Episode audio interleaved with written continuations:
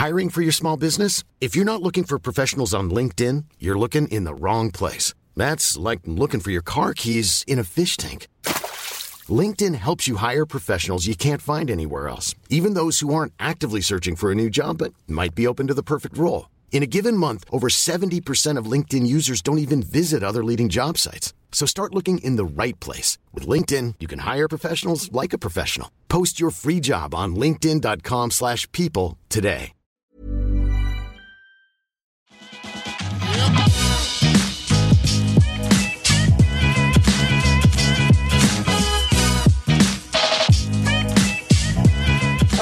Vi rullar. Idag träffar jag Nathalie Suonveri. Hon kommer att prata om stress. Nathalie blev utbränd eh, för några år sedan när hon arbetade inom edtech som marknadschef. Hon delar med sig av hur hennes resa har sett ut, hur eh, återhämtningen har varit, komma tillbaka på fötter, tips och råd och förespråkar att stress inte är farligt. Ni får lyssna mer.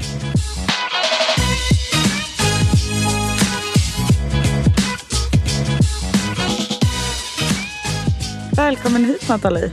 Tack så jättemycket. Kul att vara här. Så kul att du är här. Nu kommer jag till den svåraste frågan någonsin tycker jag. Vem är du? Jag är eh, utbildare, eh, organisationskonsult och eh, föreläsare inom hållbart arbetsliv och psykisk hälsa på arbetsplatsen. Jag är även Eh, grundare och verksamhetsutvecklare av gruppen Stressgäris som är en grupp för kvinnor och icke-binära som lider av stressrelaterad psykisk ohälsa. Eh, det är den professionella jag. Eh, den icke-professionella jag, vem Nathalie är, är att jag är en person som skrattar åt mina egna skämt. Mycket. Älskar historia. Jag dansar varje tisdag. Vad då för dans? Det heter afrofusion. Så det är Det låter en, så kul. Det är så roligt. Det är en blandning mellan så här, eh, olika dansstilar från olika afrikanska länder. Eh, så det är ingen dansstil i sig utan olika steg som man får lära sig. Det är skitkul. Eh, och vem är jag mer? Jag är syster. Jag är sambo. Eh, jag är inte mamma. Jag tänkte nästan säga mamma men jag har inga barn. Eh, ja, det är lite om mig kanske. Härligt. Och vi har ju ganska roligt bagage. Gud ja, Eh, vi- jättekul. Vi skrev faktiskt vår C-uppsats för flera år år sedan. Jag tänkte säga typ två år sedan men det är det inte riktigt. Nej, det är typ... När skickade vi in den? Typ 2015? 14? Något sånt där. Jag vet inte. Men inom marknadsföring och då hade vi ju superstora drömmar om att bli marketingproffs på Ja. stora bolag, karriärkvinnor. Va, vad gjorde du efter plugget? Vad jag gjorde efter plugget? Ja, när vi hade skickat in uppsatsen så hade jag sökt en praktikplats och kom in på handelskammaren i San Diego. Svensk-amerikanska handelskammaren San Diego. Så var jag där ett halvår. Svinkul. Kan tänka mig det. Alltså det var så roligt för att man bodde liksom i San Diego, det är inte LA.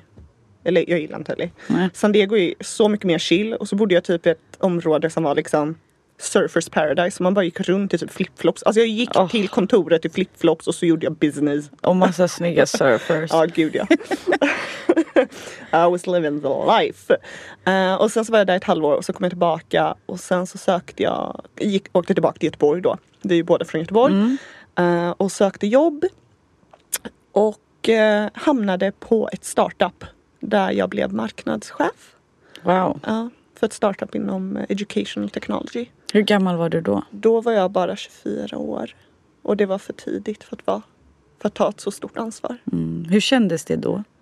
Då kändes det, jag kände mig som en, alltså unstoppable. Mm. Alltså I'm top of the world. Lite så det man känner med den här liksom, den entusiasmen efter, efter att man är klar liksom och tagit examen och bara ska gå ut i arbetslivet och bara, ja, ska bara visa hur jävla grym jag är. Och den här LinkedIn-updaten med nya titeln. Ja precis, hela statusgrejen Ah. liksom.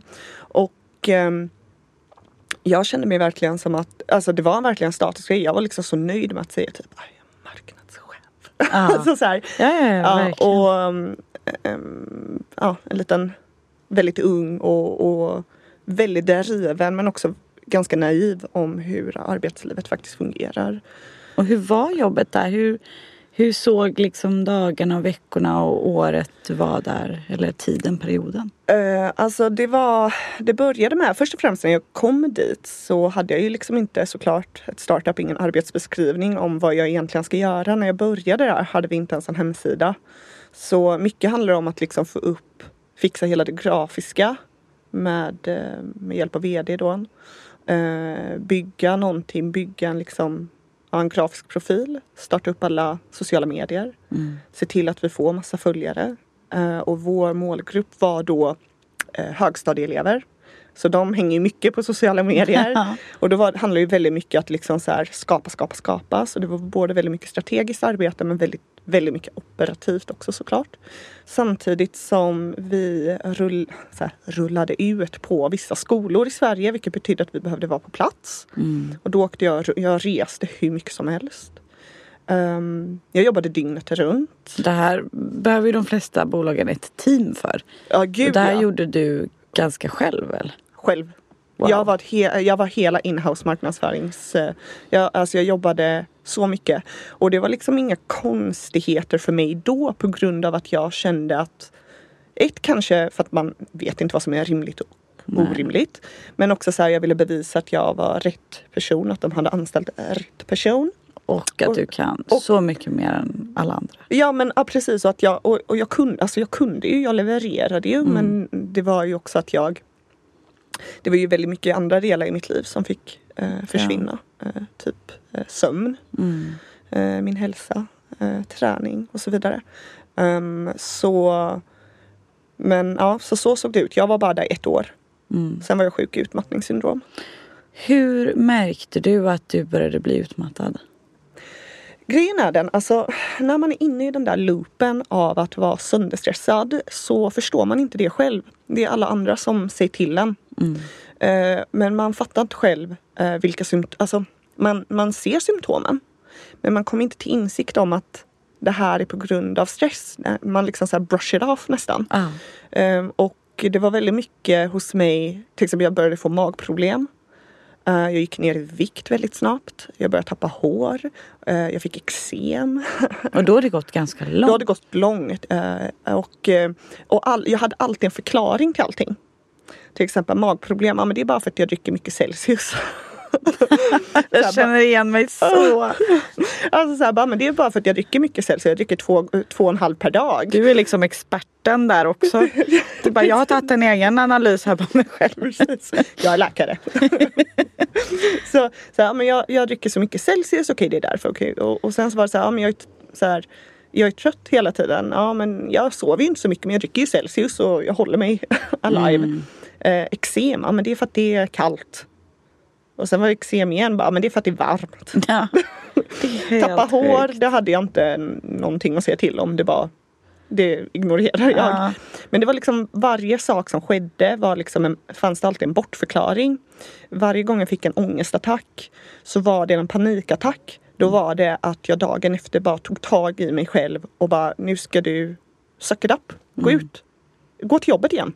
Verkligen. Det här är typ livet. För jag visste inte vad som var rimligt och orimligt. Och du var så säkert glad att du har fått den här möjligheten, den här titeln. Man är så ung och man vet hur svårt det är att få det där första jobbet. Gud ja, och speciellt i Göteborg. Alltså ja. Göteborg kryllar inte av eh, så här feta titlar som det gör i Stockholm. Och marknadsjobb. Liksom. Ja, inte marknadsjobb, definitivt inte. Så jag var bara så här, man kände sig otroligt tacksam hela tiden. Mm. Eller tacksamhet. Och det var, det är så jävla skadligt. Mm. För man... Eh, först vill man liksom bevisa att man är värd att vara på en viss plats. Och sen så känner man tacksamhet för att man är på en viss plats. Mm. Och sen så har man, eller jag hade tyvärr ett katastrofalt eh, ledarskap eh, mm. över mig. Um, och som bara, ja, det var inte bra för mig. Nej. Så jag var en väldigt juniordriven person som ville visa framfötterna. Och eh, det kunde inte tas om hand om från eh, organisationens sida. Mm. Eh, och det, ja, som sagt, jag blev sjuk i utmattningssyndrom. Där. Var det då att en dag så vaknade, eller kunde du inte gå upp ur sängen? Ja ungefär. Alltså man brukar säga med utmattning, alltså det är ju såklart en, en, en, en sträcka där saker och ting börjar falla. Alltså Ja. totalt liksom. Ehm, men det, det kommer en dag där du inte typ kan göra någonting. Jag kommer ihåg att jag kunde stå och kolla i min garderob i 40 minuter. Alltså glo Mm. in i min garderob utan att kunna ta ut en outfit. Mm. En annan dag kommer jag ihåg att jag satt på, i min hall eh, på golvet i 30 minuter och kunde inte ta mig utanför dörren när jag skulle gå eh, till jobbet. Det är liksom, det, alltså, och det är så svårt för någon som aldrig har varit, en, eh, aldrig varit utmattad Mm. och förstå vad det innebär. Men din kropp kan inte. Eh, så det kommer en dag där kroppen bara säger ifrån totalt. Mm. Eh, men då har det hållit på, då har det gått ganska långt. Verkligen. Och jag pushade mig själv så hårt. Vissa personer sjukskriver sig mycket, mycket tidigare än vad jag gjorde. Mm. Ja, jag hade en period där jag kände att nu börjar det gå för långt. Och då, då kanske det var, jag hade tur att jag insåg de här tecknena och det var precis innan sommaren och semestern. Så att då, då var det ett läge där jag skulle skruva ner tempot och börja ta hand om mig själv. Men det var verkligen sådär att jag, jag kunde typ inte ens välja kläder. Alltså att beslutsfattande för de enkla grejerna blev väldigt svåra. För att man hade så mycket beslut att fatta. Och man hade så mycket liksom inbokat och man hade, det ble, ingenting blev kul. Nej, nej, Det var bara att beta av. precis. Och, och det är som du säger, vissa kanske ser tecknena men jag hittade ju också på ursäkter. För allt liksom. Jag bara, nej men det här måste jag göra eller det här ska bara hinnas med. Och, men det, det, Det, det finns inte så många måsten när man tänker efter. Nej. Det enda måsten man har egentligen i livet är att ta hand om sina basala behov. Det brukar Ja, jag men- säga nu. Att det är bara, du behöver sova, du behöver äta, du behöver inte träna, du behöver motionera. Eh, och du behöver dricka vatten och du behöver något slags socialt umgänge. Ehm, det, och, och jag brukar också säga att du behöver vara ute i naturen. Ja. för det är så viktigt för människan. Ehm, det, det är dina måsten. Mm. Alltså så här, det finns inte så här, "Åh, jag måste gå på det här eventet eller jag måste träffa den här kompisen eller jag måste göra det här eller. Det spelar fan ingen roll. Alltså, trust me, är jag har varit så intressant. sjuk i det här. Alltså så här. Ja men jag pratade med det här med min pojkvän idag. Han sa det finns ingen du måste gå och äta lunch med. Nej. Alltså det är ingen måste. Det, det är så här, äta, sova. Det, de grejerna för att överleva. Ja, du ja. måste gå till jobbet kanske för att få. Ja, ja men- precis. Men, Men det är eh, fortfarande också så här hur mycket gör du för jobbet liksom. Och sen så måste man också, eller så här när det kommer till jobb, när det kommer till karriär. Eh, för mig, till exempel när jag var 24 år och fick en chefsposition. Mm. Det var ju den här statusen. Det var ju check. Jag hade ett mål efter examen att jag skulle bli chef innan 30 år. Mm. Varför fan skulle Jag jag, bli hade det? samma mål. Ja, var, varför, varför ska man vara det? Sen inser man hur jävla oglammigt det är. Ja, och, ja, och jobbigt. Och så har man någon annan jävla vd över sig som är psykopat. Alltså så här, var, varför ska man vilja, vilja vara det? Och så ska du ha personalansvar. Ja, fy. Alltså jag, alltså jag, tycker, jag har jobbat mycket med människor. Jag tycker det är väldigt kul liksom. Men at the same time, det är inte... Alltså, varför hade man den idén om att då är man framgångsrik när man är chef? ja. Normen säger ju lite det. Ja, ja, normen och Tyvärr. kulturen. Ja, Ja. men så är det definitivt. Men det är ju där också liksom att det där, det, man måste liksom check, your, check, check yourself och ens ego. Mm. Varför vill jag dessa saker? Och också, vem gör jag det för? Gör jag det för mig själv eller gör jag, gör jag det för Föräldrar. ja, föräldrar eller andra? Ja. Status, varumärke, mitt personliga och så vidare och så vidare. Undrar vart det Det är ju någonstans det har satt sig i oss alla. Varför vi gör vissa saker. Jag tror inte många gör i den åldern någonting man faktiskt vill själv. Tyvärr. Nej, alltså grejen är den däremot att du och jag har ändå hyfsat liknande bakgrund. Oh, ja, jag känner igen så mycket. Ja, eh, när det kommer till liksom vår uppfostran och du har juggeföräldrar Ja. och min mamma är grek. Och... Man är inte något utan akademisk bakgrund. Du är läkare, du är ingenjör eller advokat. Min mammas största dröm var att jag skulle ta en typ så här kan inte du bara ta civilekonom här, examen och bli ekonomiassistent? Så börja där och sen så får ni se. Och, alltså hon fortfarande idag. Hon bara, men ta ett jobb som ekonomiassistent. Jag bara, alltså mamma, jag, jag har eget nu. Och jag... Ah, ja, det duger inte. Min farmor sa, hon bor fortfarande i Bosnien, hon sa Oj, ekonom, men det, det är man ju ändå om man är ingenjör. Man kan ekonomi då också. det, var liksom, det var inte dugligt. Jag bara, det är faktiskt rätt okej okay, liksom. Nej men alltså så här, jag menar, och vi har haft ändå ganska, och sen så gick vi på eh, skolor i innerstads Göteborg. Jag gick på en lite bättre skola än dig. Jag gick i Stenungsund. Jaha, jag trodde du gick in i... nej. Jag trodde du gick på Sjölins. Nej, nej, nej. Stenungsund. Jaha, okej. Okay. Då gick jag på en mycket mer tävlingsinriktad skola. Ja, min var inte lika tävlingsinriktad. Okay. Men och sen så blev det liksom äh, ja, äh, universitetet och handels och sånt. Och liksom så här, man har den här idén om vilka steg man ska ta och vad man ska sträva efter. Mm det är så inpräntat i en och vi är ju liksom 90-talister. Vi, jag i alla fall växte upp med att kolla på liksom vad Blondinbella gjorde. Mm. Och liksom alla dessa bloggar och liksom sociala medier började bli stort. Och, och det var där man började också jämföra sig och att man skulle bli mm. något. Mm. Jag har haft blogg. Alltså så här, och, och, på något sätt liksom så här få den där bekräftelsen av ja. att man är något. Men för vem eller ja. av, av vem. Verkligen. Så. Jag håller helt med och jag tror att det är så, det är så nyttigt nu att börja gräva i det och, och titta på var, vem gör jag saker för. Precis. Och för vissa kommer det senare, för vissa tidigare. Och jag, jag tror att det är så viktigt att lyfta det och liksom bara grotta i att vad gör mig glad? Vad gör mig lycklig? För mig är det en ny resa. Mm. Eller det, det liksom pågående resa hela tiden. Men men hela tiden påminner jag mig själv, gör jag det här för min skull eller för andras? Mm. Det är rätt svårt. Det är jättesvårt. Alltså vi kommer ju alltid vara influerade av our surrounding. Mm. Om det är så en liten klick man är i eller en större bild liksom. Så är det. Vi är liksom vi är individer i ett kollektiv. Mm. liksom. Mm. Men at the same time så måste man Alltså sådana där saker att bara så här, vad tycker jag är kul? Ja. Det där är liksom en fråga som många inte ställer sig. Nej. Inte vad som är kul och prestationsbaserat. Mm. Utan vad tycker jag är kul. Punkt. Men det vill jag prata lite om. För du, är, du gör intressanta, sjukt intressanta föreläsningar om stress. Och eh, jag har lärt mig mycket via dig om stress. Kan inte du, kan inte du dra lite olika? För du förespråkar ju att stress är ingenting dåligt. Nej. Vad menar du då? Stress är inte dåligt. Stress är livsviktigt för vår existens. Eh, stress har en väldigt viktig betydelse i våra liv.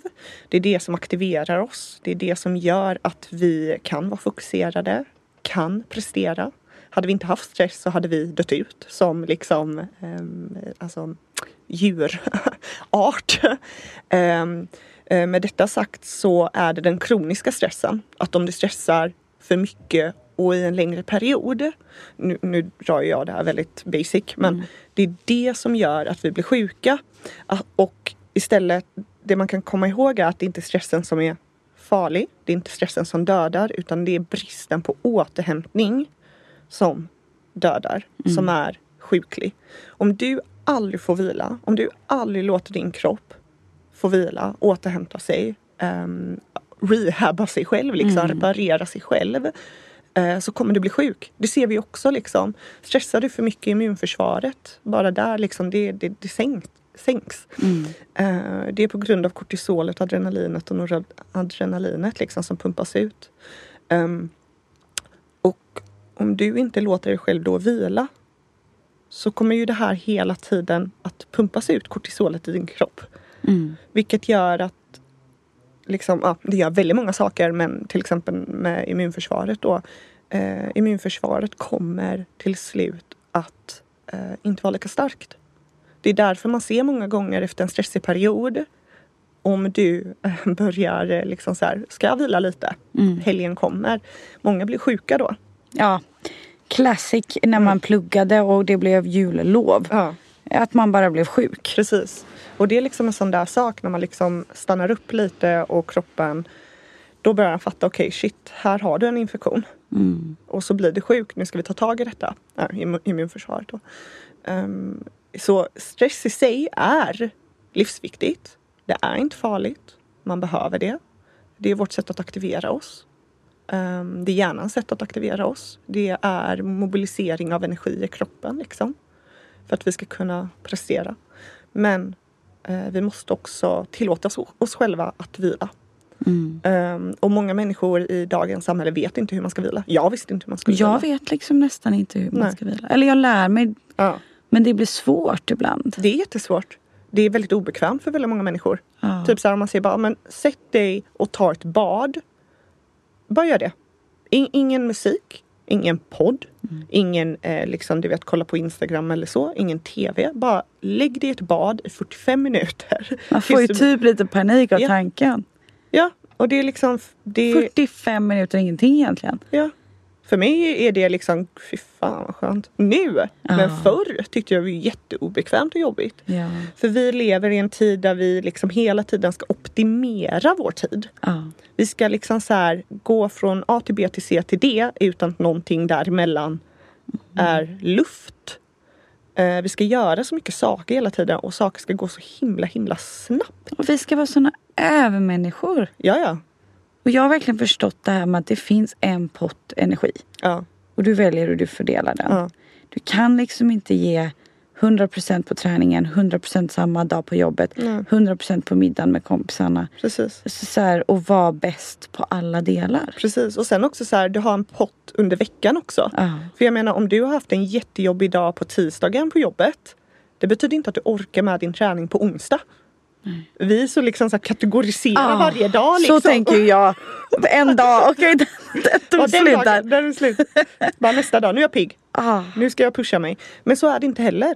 Nej. Alltså allting sitter ju ihop. Vad du gör på tisdagen kommer, eh, det kommer synas på din sömn mellan tisdag och onsdag. Hur din sömn är mellan tisdag och onsdag kommer visa sig hur du mår på onsdag. Mm. Allting sitter ihop. Men vi vill kategorisera. Vi tror att kroppen typ nollställs när tisdag kväll slår över till onsdag. Ja. Då bara då fylls det på som ett Nej. batteri. Liksom. Nej, så är det inte. Nej. Och det är det liksom vi, vi vi vill ju förenkla väldigt mycket saker som människor. Det är det vi vill göra. Ja. För att göra det enkelt för oss liksom. Och sådana här saker är och det är svårt att liksom också gå emot strömmen och gå emot en viss kultur som finns. Mm. När alla andra verkar ha 111 000 eh, coola saker att göra. Mm. Verkligen. Eh, alltså många gånger vill inte jag ens berätta vad jag har att göra för det låter som att, att jag har mer än vad jag, ja. än vad jag faktiskt har. Ja. Alltså eh, visst, jag jobbar hårt. Men jag kan chilla också. Som jag sa till dig tidigare idag. Alltså i fredags att jag spelade Sims i fem timmar. Ja men alltså. och drack vin det är helt själv. underbart. Kan du inte berätta lite om det här off-modet? Varför är det bra att spela Sims? Ja, alltså det är ju det här. Det är ju det här um, alltså återhämtningsläget som är så viktigt att man kommer in i. Uh, och vad återhämtning betyder. Alltså vi har stress och så har vi återhämtning. Vi har on och vi har off. Uh, och återhämtningsläget är så viktigt för att vår kropp ska kunna ett, återhämta sig, mm. chilla och reparera sig själv. Och vad återhämtning är som sagt är väldigt olika. Mm. Uh, vi är alla olika människor med olika livspussel. Jag har inga barn till exempel. Nej, nej inte jag heller. Nej, precis. Du kan spela Sims? Liksom. Ja, jag kan spela Sims. Och för mig, när jag var utmattad så märkte jag att uh, tv-spel var väldigt bra för mig. För att jag höll mina händer occupied. Mm. I en kons- alltså höll i en konsol. Mm. Så jag kunde inte göra något annat med mina händer samtidigt som jag kollade på en skärm. Och det var lagom fokuserat. Och jag spelade inte spel som typ så här GTA eller någonting utan det var liksom Lego Harry Potter med ja, Helt, du behöver liksom inte tänka. Nej precis. Så det var liksom inte Det var väldigt simpelt och väldigt enkelt. Eh, så det visade sig att det var väldigt bra um, avkoppling för mig. Mm. Uh, Sims. Jag älskade att spela Sims när jag, var yngre. Ja. Oh. Och så liksom nu ser jag det som en återhämtningsgrej. En avkopplingsgrej. Um, så om folk ska hitta sin återkopplingsgrej så sa du en så bra grej tidigare idag och det var ju lite sådär, vad tyckte man var kul när man var liten? Ja, precis. Jag tror att många gånger vet folk inte som vuxna vad var det som var roligt. Eller vad, vad är det som är roligt just nu? Och då brukar jag faktiskt säga, men gå tillbaka, vad tyckte du var kul när du var liten? Men var försiktig att de sakerna du tyckte var roliga när du var liten, att du inte gör dem till prestationssaker. Till exempel Ja. spelar du mycket fotboll när du var liten och tyckte det var kul. Eh, börja spela fotboll nu också. Men det ska inte bli en prestationsgrej, det ska vara lek. För vi är så dåliga som vuxna människor på lek. Ja. Vi leker inte. Jag tävlar med allt. Jag vet att du gör det. Jag kan inte. Jag kan inte påbörja en grej utan att bara, jag vill vinna. Ja. Och jag kan inte bara göra det och bara för att det är kul utan då, då ska jag bli bäst. Alltså, Det där är ju en jättebra utmaning för dig att liksom jobba på i höst. ja men oh ja, hela året har jag försökt och liksom folk är så här. Det är ingen tävling, vem tävlar du med? Du tävlar med dig själv. Ja. Du är dum i huvudet. Ja. Och jag liksom, jag vet att jag är dum. Ja. Nej, men, alltså, Det är jag tror, som- att- men, det, men det är det som är så här, till exempel saker som andra saker som jag gör där man inte kan tävla. Jag menar, Vad är det typ? Sims. Ja. Men pussel, pussel är superkul. Alltså du vet så här, Pussel är kul. ja men eh, du vet, alltså bara sitta Eller och, titta tv-serier. Ja, trash TV Ah. in my heart. Och att man vågar liksom inte säga idag och stå för att man tittar på det. Nej men det är så här typ, åh, min guilty pleasure är så här trash TV. Jag bara, jag är inte guilty. Nej. Jag känner inte. Bara, jag älskar Jordy Shore, jag älskar Jersey Shore. Jag kan alla deras fraser. Ja men eller hur, det behöver inte vara så här. Min favorit tv-program är TED Talks. Ja. Sen är det... Man ska vara så här- jävla viktig hela tiden. Och så jävla duktig och kunnig. Jag menar, man, Ja. kan vara, man kan vara flera saker samtidigt. Faktiskt. Och att man kan tycka att ett TED-talk är kul någon gång. Ja, det gör jag också. Ja, ja. Men det är inte så att jag bara woho! Nu ska jag sätta mig med popcorn framför TED-talk. Nej men precis. Och jag menar, alltså, ursäkta mig. Jag har två, jag har en dubbelkandidat och en magister. Mm. Jag menar, jag är alltså högakademiker. Liksom. Ja. Jag vill på någon gång, någon gång i framtiden researcha, ta en PhD. Men jag älskar Jersey Shore. Ja och det, Det är helt okej. Ah. Så här. Om någon kommer till mig och säger typ så här, ah, men jag skäms lite men jag kollar på Paradise Hotel. Jag bara bra, bra att du kollar på Paradise Hotel. Det betyder Ja. att du gör någonting hjärndött. Och det Ja. är viktigt att göra hjärndöda saker i det här samhället. Ja.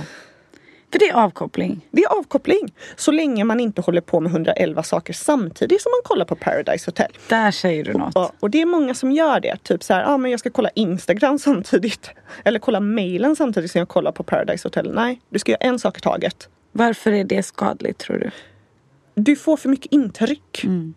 Hjärnan Stressar. pallar inte. Alltså, du vet, det finns jättemycket forskning som kommer ut nu liksom så här, med skärmtid och liksom så här, alla intryck och, eh, och vad, vad det gör. Liksom. Ehm, och det är det. Vi matar vår hjärna med hur mycket intryck som helst. Alltså tänk dig själv en gång i tiden. Nu var vi i och för sig väldigt små då. Men idag, eller en gång i tiden när man skulle gå till banken och göra ett bankärende. Det tog en halv dag. Åh gud. Idag så gör vi det på typ högst en minut via Ja. vår app. Så tänk hur mycket vi gör Hela idag tiden. på en daglig basis. Vi har aldrig varit så produktiva Mm. när det kommer till inte bara jobb utan allt i vårt liv. Verkligen. Alltså vi har aldrig varit så här produktiva Och så här nu. det sjuka är att man får någon weird kick av det. Ja, ja. Jag kan få är wow, dopamin- jag hann med det här, ja, det här, men det är en det här, det dopaminkick. Det är 100% dopaminkick. Det är hormoner som säger bara du, du gillar det och här får du en dopaminkick. Här är din belöning. Det är lite good girl syndromet, hinner med så mycket som möjligt. Jag är Ja, ja. Men det, det är liksom din, din kropp kommer belöna dig för det. Mm. Och, och det är det som är så, så sjukt. Den borde belöna mig för att ta en promenad ensam utan någonting, utan någon hörlur eller någonting. Ja, och, det kom, och det kommer den göra. Long term. Long term, men jag menar det, det där borde det vara lite dopamin.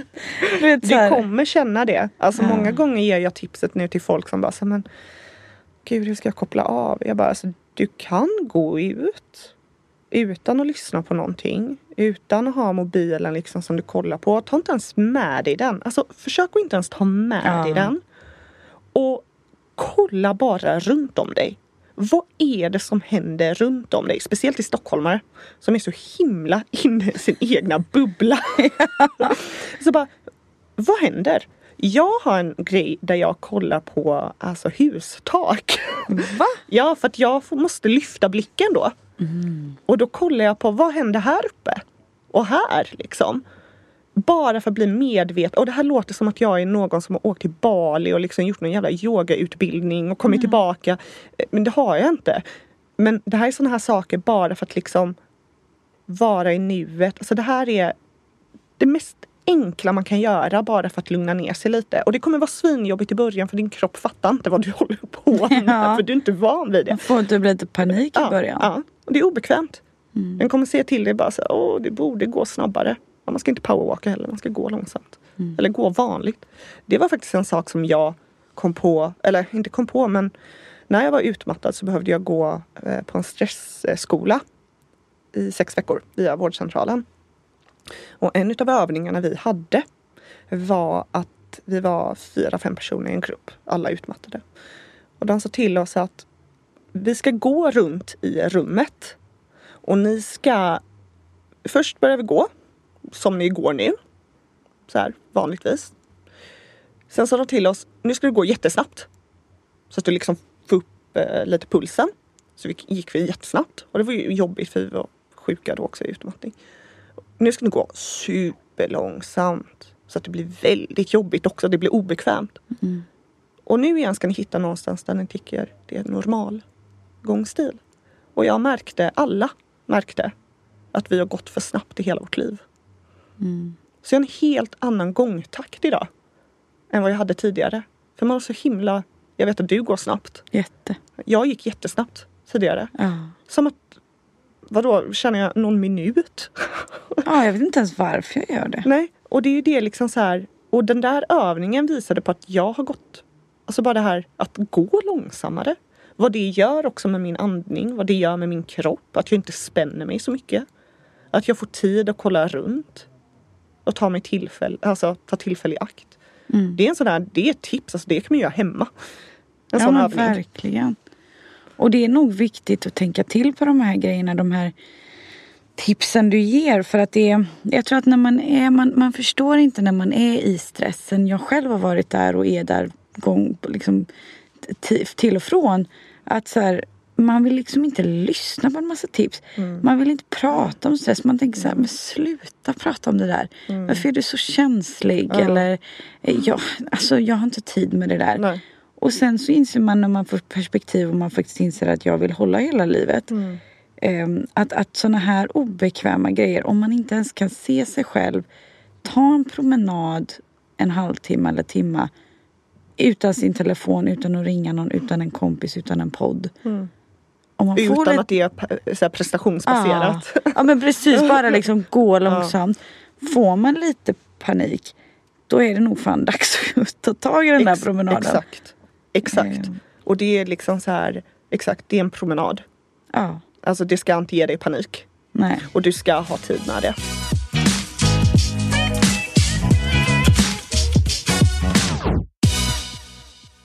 När jag blev utmattad så förbjöd min läkare mig att sätta foten på gymmet.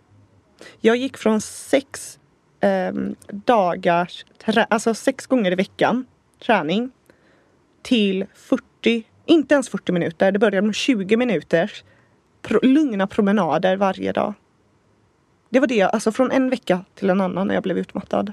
Jag fick inte sätta foten på gymmet. Jag fick inte fysiskt anstränga mig för min kropp var så sjuk.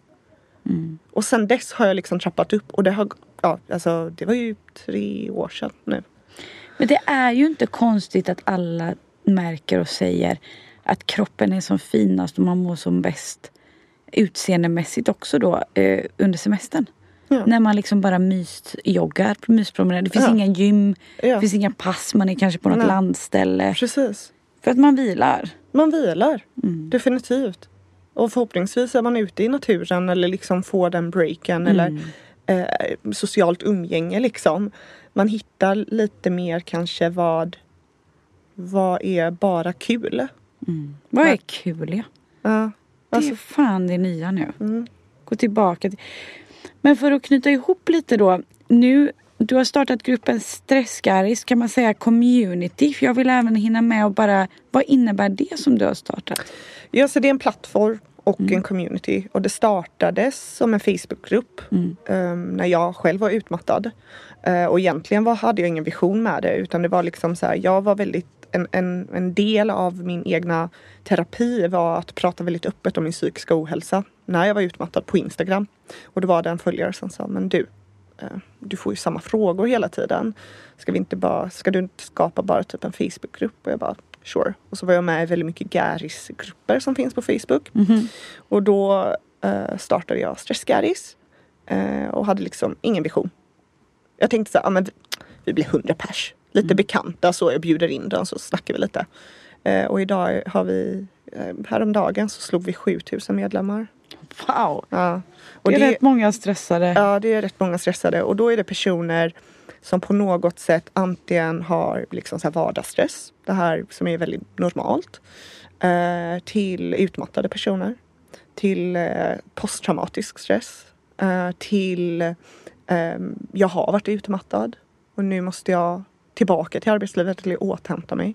Det är också en sån här sak, det är väldigt svårt för många människor som har varit utmattade att komma tillbaka från sin sjukskrivning. För helt plötsligt ska du hoppa in i en kultur, kanske en arbetsplats eller rutiner som gjorde dig sjuk.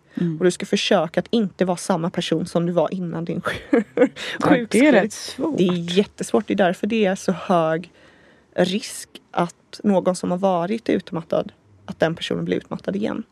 Det är en jättehög risk. För det är så svårt. Mm. Um, så det är stressgäris. Um, vi började innan corona med föreläsningar. Tanken att någon gång att vi ska bli en um, förening. Uh, vi gör samarbeten med olika, nu har vi samarbete med en terapeut, psykoterapeut som uh, varje månad um, besvarar medlemmars frågor. Mm. Eh, Vad kul! Så det händer lite saker. Du har rätt mycket att göra igen. Sen har du lite nya andra spännande projekt på gång. Ja, Jag vet jag, inte hur mycket jag får fråga. Nej. Jag vill ändå att du nämner lite. Jag kan säga att eh, jag har sedan i april eh, jobbat med en psykolog och en forskare inom psykologi med att starta upp ett, eh, nu håller vi på, det är pilotprojektsbasis liksom. Men det kommer bli ett bolag eh, där vi matchar ihop individer med deras, med en psykolog eller en psykoterapeut som de eh, Alltså rätt psykolog och rätt psykoterapeut utifrån individens personliga preferenser och psykologiska behov. Det kan vara Det saknas ju. det saknas och det är väldigt svårt för någon som söker efter en psykolog att veta vart man ska vända sig. Ja, Ehm, gud, jag minns en gång när jag ville ha en, jag googlade liksom. ja, och vad kommer upp då? Då är det den som har betalat mest för Google Ads. Liksom. det är liksom, hmm, Ja. och de är psykologer inom allt. precis, precis. Och ingen frågar ju psykolog från, från andra sidan också så frågar vi psykologen vad tycker du om att liksom jobba med? Alla jobb, vill inte jobba med liksom eh, skilsmässor. Nej! Jag Eller tycker det är liksom skittråkigt. Ja precis. Och där igen så måste man fråga psykolog, ha- vadå, ska inte de vara engagerade på arbetet? Ja, ja, för de blir ju tilldelade liksom. ja, på här. vårdcentraler och sånt. Ja. Ja. Precis. Och det är det vi vill vara lite den mellanhanden där. Så vi har en eh, vi har forskning som backar eh, den algoritmen då som vi, som vi använder för att matcha. Vad coolt. Så får vi se vad det blir med det. Alltså det är så fascinerande. Jag som ändå har följt din resa från att vi satt där och svettades över C-uppsatsen till att du blev marknadschef och hade titeln och sen gick in i väggen. Och nu har, att det har kommit någonting så fint utav det ändå. Mm. Att du kommer välja att arbeta med det här och hur kommer du göra? Såklart jättesvårt att säga men hur kommer du försöka göra nu för att inte hamna där igen? För jag tänker allt handlar ju lite om balans i livet och det är det svåraste vi vet. Mm. Men för att inte göra det så svart eller vitt, liksom lite handfasta tips på hur du kommer tänka. Alltså först och främst så måste jag vara, jag är otroligt medveten konstant att jag har varit utmattad. Jag är inte lika stresstålig som jag var tidigare. Eh, jag är mycket snällare mot mig själv. Alltså mycket snällare. Med detta sagt så är jag inte min bästa vän fortfarande. Det är jag väldigt öppen med. Jag har fortfarande väldigt mycket ångest.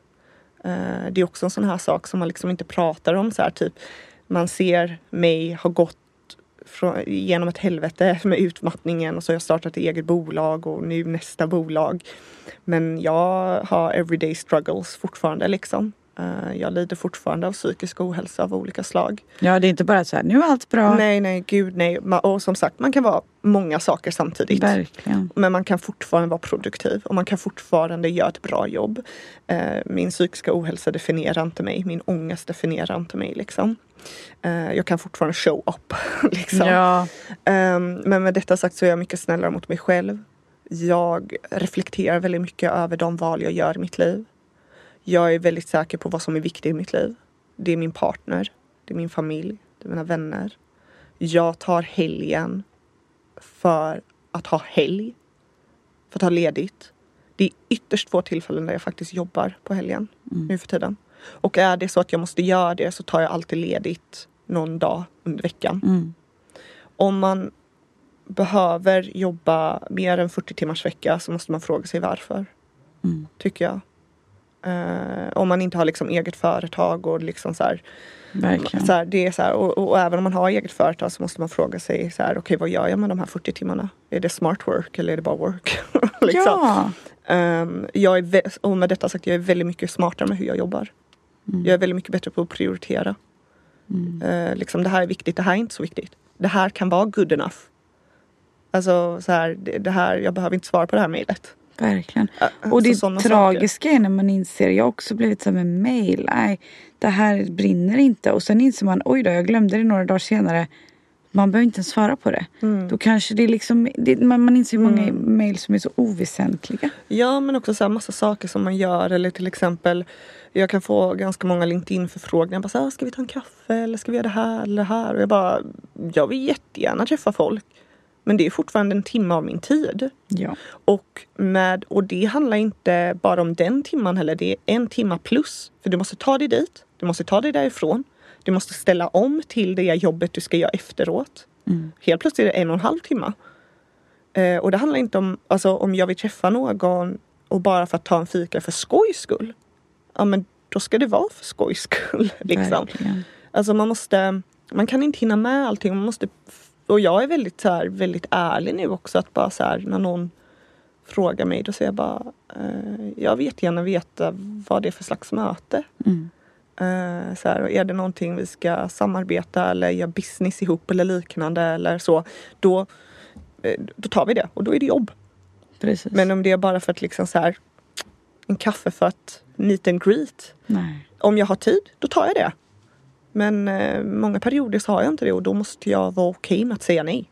Och liksom finna den tiden kanske att lägga på det själv. Ja men precis. Det, jag har jättesvårt att säga nej.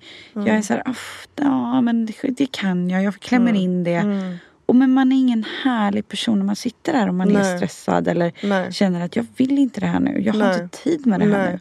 Jag hade så mycket hellre lagt den timmen på att kanske gå den där promenaden Precis. själv. Precis. Ehm, och, det, liksom, det blir inte värt det för någon i slutändan. Nej, och det handlar om att sitt, hitta sina egna, det är också en sån här sak som jag har fått jobba jättehårt med efter min utmattning, mina egna gränssättningar. Var, liksom så här, när, när börjar jag jobba? När slutar jag jobba? Vilka träffar jag i mitt liv? Vilka är liksom det här med fika igen liksom så här. Vilka säger jag nej till? Mm. Vilka fikor är okej att gå på? Vilka fikor är inte okej att gå på? Vilka saker tackar jag ja till? Vilka saker tackar jag nej till? Jag har ingen fear of missing out längre. Nej, Jesus Christ vilken det kommer ju också med åren. Det gör det. Men, Men men, det är många i vår ålder också Ja, som ja, men har alltså- otrolig FOMO. Det är, det är ju obehagligt att, att man har det. Mm. Ja. Eller haft. Ja. Eller liksom. Alltså jag vill, jag vill, alltså det vet ju du nu men alltså vi säger det till alla som lyssnar att jag, nu är det september. Eh, för tre dagar sedan öppnade jag mitt Instagramkonto och då har jag ändå en, en following liksom och där jag har liksom pratat om saker och sånt. Och jag stängde ner mitt Instagram, alltså så här, tog semester i mitten av juli. Öppnade upp det för tre dagar sedan. Jag missade ingenting. Det är ingenting som finns på Instagram som du missar. Nej. Så det Och enda jag, ändå tror man det. Ja, det enda som jag tyckte var så lite, lite jobbigt var att jag gillar att följa lite konstkonton. För att få liksom så här inspiration för jag gillar konst. Det var typ det enda. Men då gick jag in på Pinterest. Ja, ja, exakt. Man löser ju det. Men det är ju det. Det är samma om man glömmer mobilen eller den dör. Eller man inser ju efteråt att bara... Eller du vet när man var utomlands och inte hade wifi för. ja. Och man insåg så här, gud vad härligt det här är. Första Ja. timmen har man panik. Ja. Men sen så inser man att jag är så befriad och lugn Ja. nu. Ja, exakt. Så varför ska det vara så svårt för oss att bara lämna mobilen? Mm. Och inte kolla på den? Ja, det är fan en reminder för oss alla nu alltså. Ja, alltså så det är här, så var, enkel grej. alltså mobil, alltså vi sitter ju, alltså vi är ihopklistrade med mobilen. Mm. Det är liksom helt sjukt. Men, Ja. man, men det är ju en vana som du också kan lära, du kan lära om dig själv. Men det är jobbigt, det är utveckling. Utveckling är jobbigt. Verkligen. Skapa en ny vana är jobbigt. Ja, ja, ja. Det är ju vanorna som, som är jobbiga. Ja, Det är som du säger, för, för rökare så är det ju vanan. ja att det är precis. liksom, hälften av ciggen är ju inte ens gott. Nej, ja, det vet inte jag. Jag har rökt. Ja, nej, det Nej men du, inte. du fattar, det är ju vanesaker. Allting är så här. Jag var ju van vid att träna på morgonen och det är så här, det ska bara göras. Mm. Men ville jag det eller? Nej, jag var van. Jag hade ingen bra morgon utan det. Nej. Lät jag mig ens och känna efter? Nej. Men det var van. Hur mycket Alltså, sov du då? Det tror jag. Jag sov, ja men jag var ju en tant. Jag la mig verkligen halv tio liksom. Ja. Så jag so, sömn har alltid varit A och O. Ja. Men det var ju också så här att men dagen är inte bra om jag inte får till den här morgonträningen. Mm. För den gör ju att jag blir pigg och glad och, och då associerar man det med det. Men vem säger att jag inte kan vara pigg och glad utan den morgonträningen? Precis. Egentligen. Du kanske skulle kunna vara pigg och glad om du satt en timme i köket och tog en långsam frukost. Verkligen. Men Istället det var för ingen gå- vana. Nej men precis. Det är det som är så... Precis. Det är det. Men om man, om man vill komma i kontakt med dig och, och nu ska man ju inte be dig om massa kaffe här. Men, men, men om man vill ha, se och höra. Nej men det, det, är fan, det är respekt av det ens tid. Du har inte tid och då kommer du bli stressad igen. Ja, men jag tycker också att man ska respektera sin egna tid. Oh ja, men faktiskt. Men om man vill följa dig och, och liksom ditt community, hur, hur når man dig? Hur hittar man dig? Man kan hitta mig på LinkedIn. Mm. Eh, Nathalie Sonveri stavas S-U-O-N-V. Nathalie utan H utan E. Jag vet, jag är jätteunik. Men jag kommer också posta om det. Så Ja, vad länka bra. till dig. Ja. Ja. så LinkedIn och sen så kan man också hitta mig via Stressgaris. Eh, det är ju en Facebookgrupp då. Eh, men där finns jag också. Eh, och Göteborg. Holla at me. Ibland föreläser du. Jag föreläser definitivt. Eh, jag föreläser och konsultar som sagt. Och, så bolag kan också kontakta mig för det.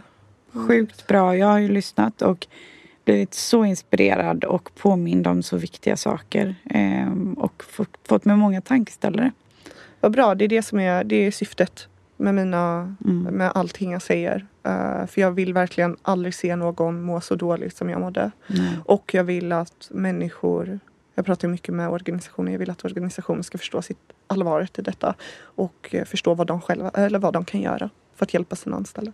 Oh, ja.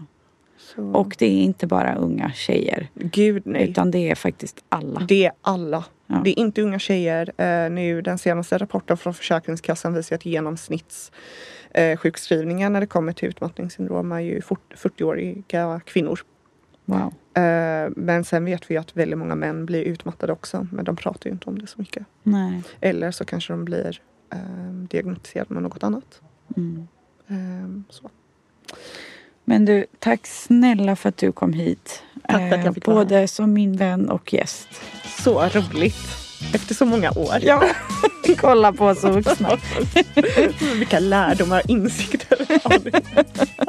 Nej, det var sjukt kul. Jag hoppas alla njöt lika mycket som jag gjorde. Tack så jättemycket för att jag fick komma. Tack.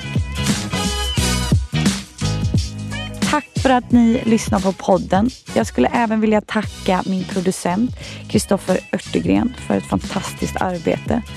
Om ni tycker om podden så får ni jättegärna gå in och prenumerera. Och skriv gärna en liten review.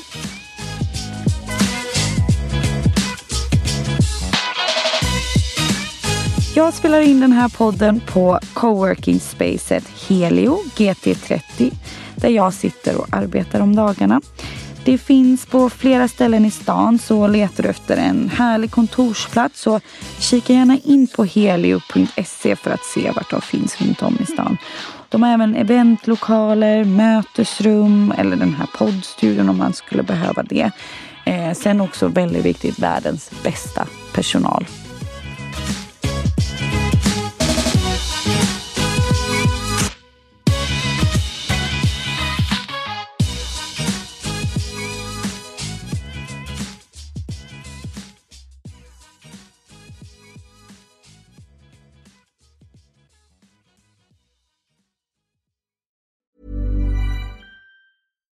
I'm deserves the best, and there's no better place to shop for Mother's Day than Whole Foods Market. They're your destination for unbeatable savings, from premium gifts to show-stopping flowers and irresistible desserts. Start by saving 33% with Prime on all body care and candles. Then get a 15-stem bunch of tulips for just $9.99 each with Prime. Round out Mom's menu with festive rosé, irresistible berry chantilly cake, and more special treats. Come celebrate Mother's Day at Whole Foods Market. Flexibility is great. That's why there's yoga. Flexibility for your insurance coverage is great too. That's why there's United Healthcare Insurance Plans. Underwritten by Golden Rule Insurance Company, United Healthcare Insurance Plans offer flexible, budget friendly coverage for medical, vision, dental, and more. One of these plans may be right for you if you're, say, between jobs, coming off your parents' plan, turning a side hustle into a full hustle, or even missed open enrollment. Want more flexibility? Find out more about United Healthcare Insurance Plans at uh1.com.